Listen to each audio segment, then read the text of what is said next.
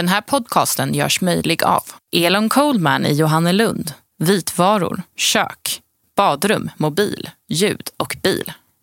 Fonus Öst, en riktig begravningsbyrå.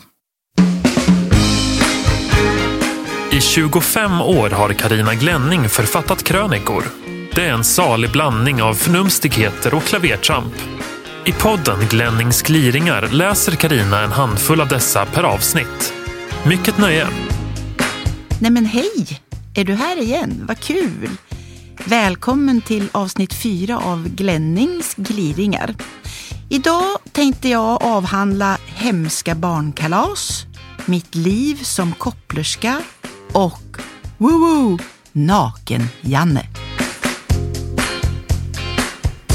Det värsta med barn är väl ändå kalasen. De här förbaskade kalasen som man ska arrangera.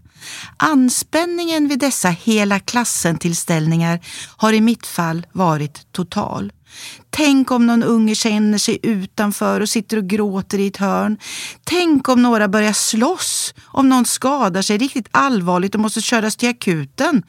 Om någon förälder ger en onda ögat för att deras prinsessa fått finaste klänningen sönderriven av en huskatt som inte alls var på godshumör då den bryskt lyftes upp. Nu har jag härtat ner. Sonen fick slå ihop sitt sjuårskalas med en polare i lekisklassen. Jag och den andra mamman hyrde sportstugan här ute på vischan och drog raskt upp riktlinjerna.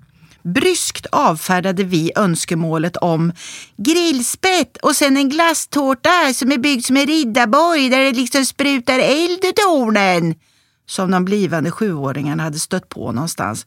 Glöm det grabbar! Glass, kakor och saft får det bli och varsin lagom godispåse.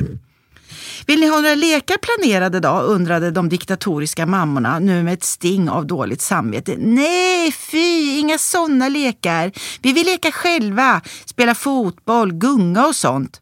Det gjorde den här mamman så lycklig och avspänd att hon när själva kalaset ägde rum hade energi över för att vara en riktigt solig och rolig mamma som chockade sig själv med att improvisera en springtävling i gröngräset.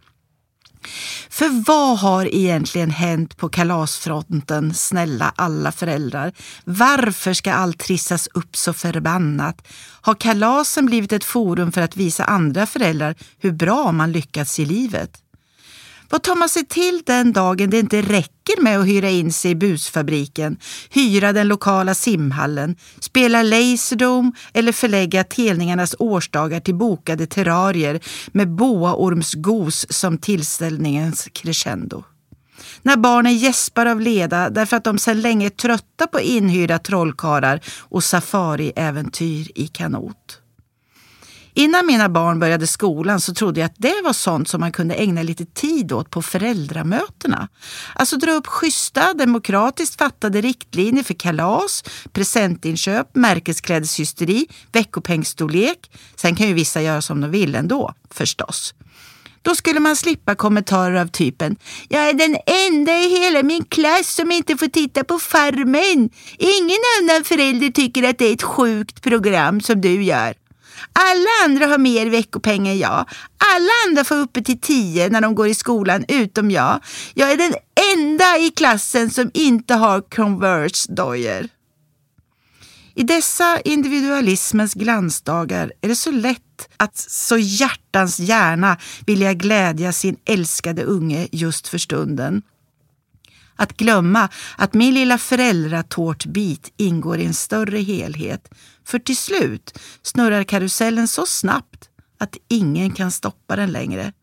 Att sätta gränser och utöva föräldramakt är i min värld inte detsamma som att kväva sina ungar.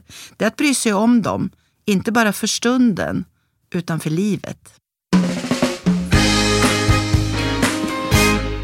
Mina genetiska fantasier. Jag orkar inte bära det ensam längre.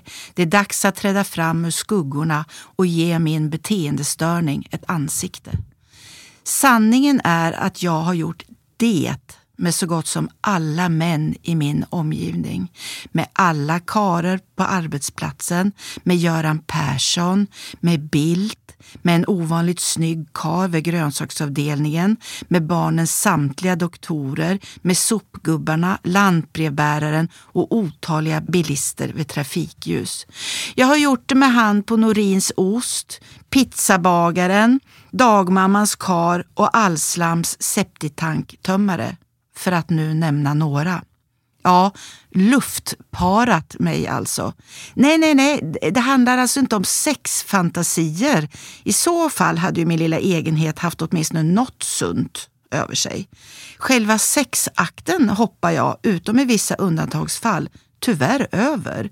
Jag går direkt på vår gemensamma avkomma och fantiserar om hur den skulle se ut med mig som mor och den för stunden utvalde som far.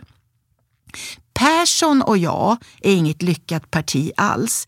Vi är för äppelkindade och den ungen skulle definitivt förvecklas med ett bowlingklot. Göran Persson pratar jag om alltså. Möjligen skulle min rultighet kompenseras bra av Bildts snipighet, men han är ju förutom allting annat alldeles för glåmig. En svart, lätt snipig kille vore kanske det ultimata. Hur många viktiga gruppmöten som helst har gått mig spårlöst förbi eftersom jag, istället för att lyssna koncentrerat, är i färd med att alstra barn med föredragshållaren. Eller han som sitter bredvid mig. Å andra sidan har jag aldrig tråkigt i köer eller väntrum. Det finns alltid lämpliga och olämpliga män i omgivningen att få barn med. Reptilsnabbt snokar jag upp någon, bedömer hans drag och funderar över vilka av dem som kan tänkas vara dominanta respektive recessiva. Vilka traumatiska upplevelser i min barndom har gett grogrund för detta beteende? Är jag innerst inne en superbullmamma som vill utöka den tvåhövdade barnaskaran till 80? Nej. Är jag en utseendefixerad ytlig idiot som bara tänker på människor i form av skal? Det här är avgjort något för en uttråkad terapeut att bita i. Men då kanske jag helt skulle förlora lusten att kopulera med kreti och pleti. Livet skulle mista en krydda. Dessutom kan... Shh! Vem är det som står där borta vid kopieringsapparaten? Det måste vara någon ny på teknikavdelningen. Få se nu. Rak näsa, distinkt hakparti, mörkt kraftigt hår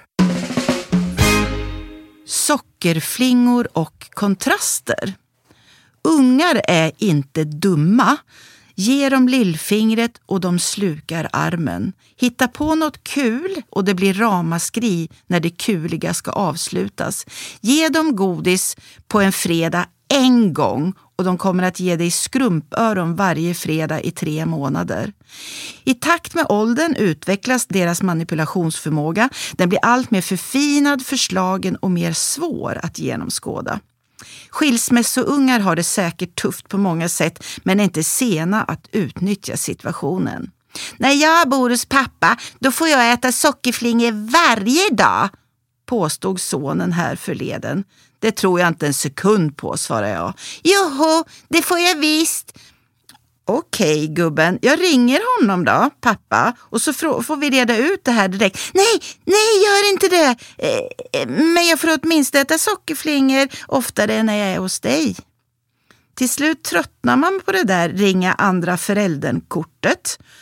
Det verkar lite mjäkigt och tafatt, så jag bytte taktik när vi några dagar senare hade en diskussion om läggningstider. När jag är hos pappa då får jag vara uppe till tio varje kväll, även när jag ska till lekis. Lögnhals for igenom moderns huvud, men istället sa Säger du det? Ja, det är möjligt, men i det här huset är det jag som är chef och här lägger sig lekisbarn klockan åtta. Basta! Vi har även varit inne på ämnet kvinnligt manligt, sonen och jag. När åkgräsklipparen togs fram uppvisade han en skeptisk min. Kan du verkligen köra den där mamma? Den är gammal och rätt svår vet du. Medan vi skumpade fram på de knöliga gamla potatisåkrarna som omgärdar kåken, han sittandes på mitt ena lår, kom han ideligen med förnumstiga råd om hur det borde gå till, var det är lämpligt att sänka knivarna, var man gott kan spida på lite. Alltså, jag skulle köra som pappa hade kört medan vi var gifta. Och sen kom liksom dolkstöten. Du mamma, det verkar som om mammor och pappor klipper gräs väldigt olika. Det blir en massa runda grejer när du klipper. Meningen är väl att man ska klippa rakt, så rakt som möjligt. Det var då själva tusan vilken liten irriterande besserwisser jag närt vid min barm. Här behöver markeras. Hörru du du! Jag har ingen aning om hur mammor och pappor normalt klipper sitt gräs, men jag klipper på mitt vis, det vill säga lite olika varje gång. Jag tänker inte att jag klipper gräs, utan att jag är på utflykt i trädgården och ser mig omkring. Det blir roligare så, mer kontrast. Vad är kontrast, mamma? Det är att livet måste få vara lite olika för att bli roligt. Att man måste vara utan godis vissa dagar för att uppskatta när man väl får det. Och att man gott kan ha det tråkigt vissa dagar och äta nyttiga flingor som smakar lite sågspån för att uppskatta kalaspuffarna i helgen.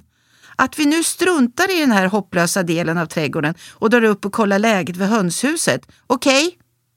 Okej. Okay.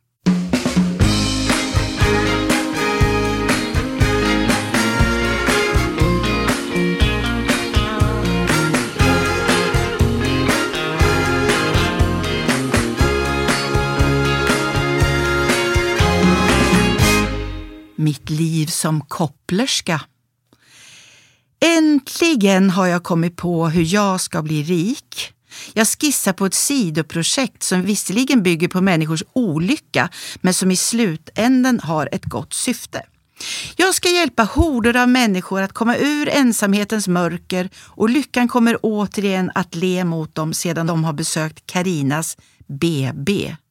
Konceptet är lika enkelt som genialt. Folk skiljer sig likt kaniner kopulerar. Många njuter säkert av singellivets alla fördelar medan andra fortsätter tro på tvåsamhetens trygga tabernakel. Men hur hittar man en ny partner? Många av mina blivande kunder är medelålders människor som inte beträtt ett dansgolv sedan Gloria Gaynors glansdagar. Dansstilar har lika kort hållbarhet som moderna äktenskap, så man riskerar bara att göra sig till åtlöje. Allt medan den 20-åriga krogpubliken förundrat viskat Oj, nu har organisationen Farsor och morsor på stan börjat gå in på ställena. Klart man kan strunta i dansen och bara hänga vid bardisken i hopp om att drömpartnern plötsligt dråsar ner in till den stora starkölen. Bara verkar så allmänt ointresserad som om hon inte alls står nyskild och desperat i pannan. Nätet är inte heller något att ha. Det är för mycket grisen i säcken och ständiga lögner om hur det egentligen förhåller sig med folks ålder, civilstatus etc. Nej, Karinas BB, alltså Karinas bodelarbuss, är den enda sanna och bekväma vägen eftersom den ägnar sig åt riktad uppsökande verksamhet. Antingen sitter du hemma och väntar på bussen eller också i bussen och låter dig lotsas till länets för månaden intressanta skilsmässoobjekt. Via Lantmäteriets lagfart får jag ju en hint om vilka som bodelat och vem som köpt ut vem. Jag ska inte alls vara trist konventionell och bara arrangera män söker kvinnor eller kvinnor söker män. Nej då, min rörelse ska vara pragmatisk och jag är inte främmande för temaresor av typen kvinnor söker påkostat charmigt lantkök. Eller män söker trippelgarage. Eller Yorkshire terrier söker ny matte. Jag skulle själv gärna kunna hänga på turen lyckligt ensamstående kvinna söker lyckligt gift trädgårdsintresserad pensionär. Till exempel. Hittar man bara sin drömkåk så får man väl försöka förlika sig med dess ägare. Herregud, man kan inte få allt här i världen. Ni som har problem med pang på rödbetan-filosofin ska inte deppa.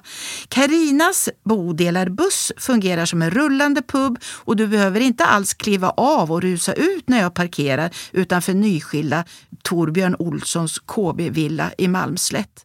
Det handlar inte enkom om koppleri. Åh nej, detta är även en ypplig chans att sightsea i sitt närområde och bekanta sig med länet. Kom igen nu! Jag har redan börjat lägga upp den första rutten. Nu saknas bara själva bussen, en starta eget-kurs och lite bokföringsträning. Jag blir rik och ni blir lyckliga. Vad väntar ni på? Hellre naken-Janne än röjsågar. Är inte självbestämmande tanken lite överreklamerad? Okej att folk kan få välja någorlunda var de ska bo, men hur tycker jag är en sak för omgivningen att vara med och diskutera. Det skulle vara en hjälp för oss alla med ett tydligare regelverk.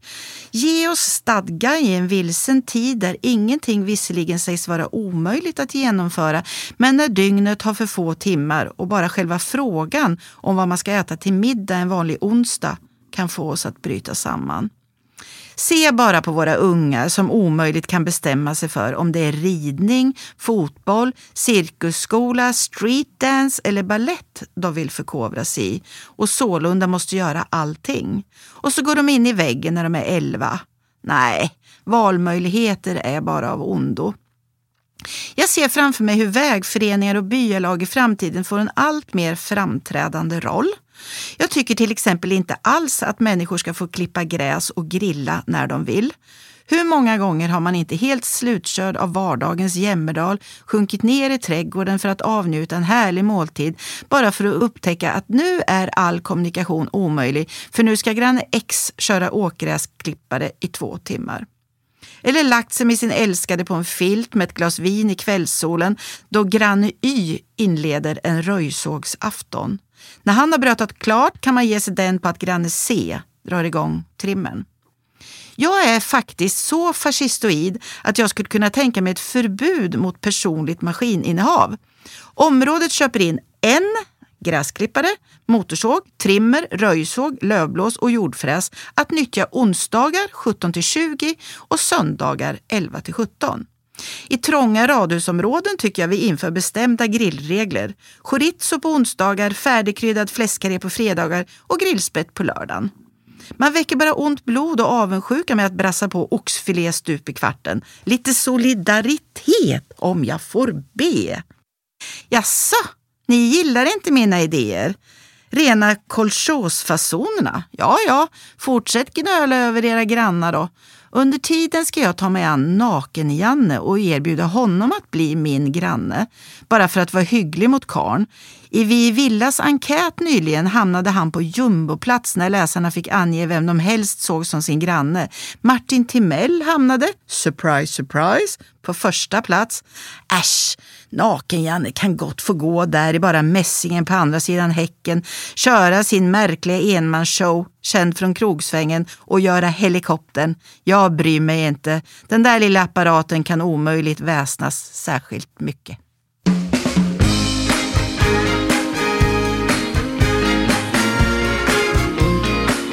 Du har lyssnat på Glennings gliringar. Ansvarig utgivare, Maria Kustvik.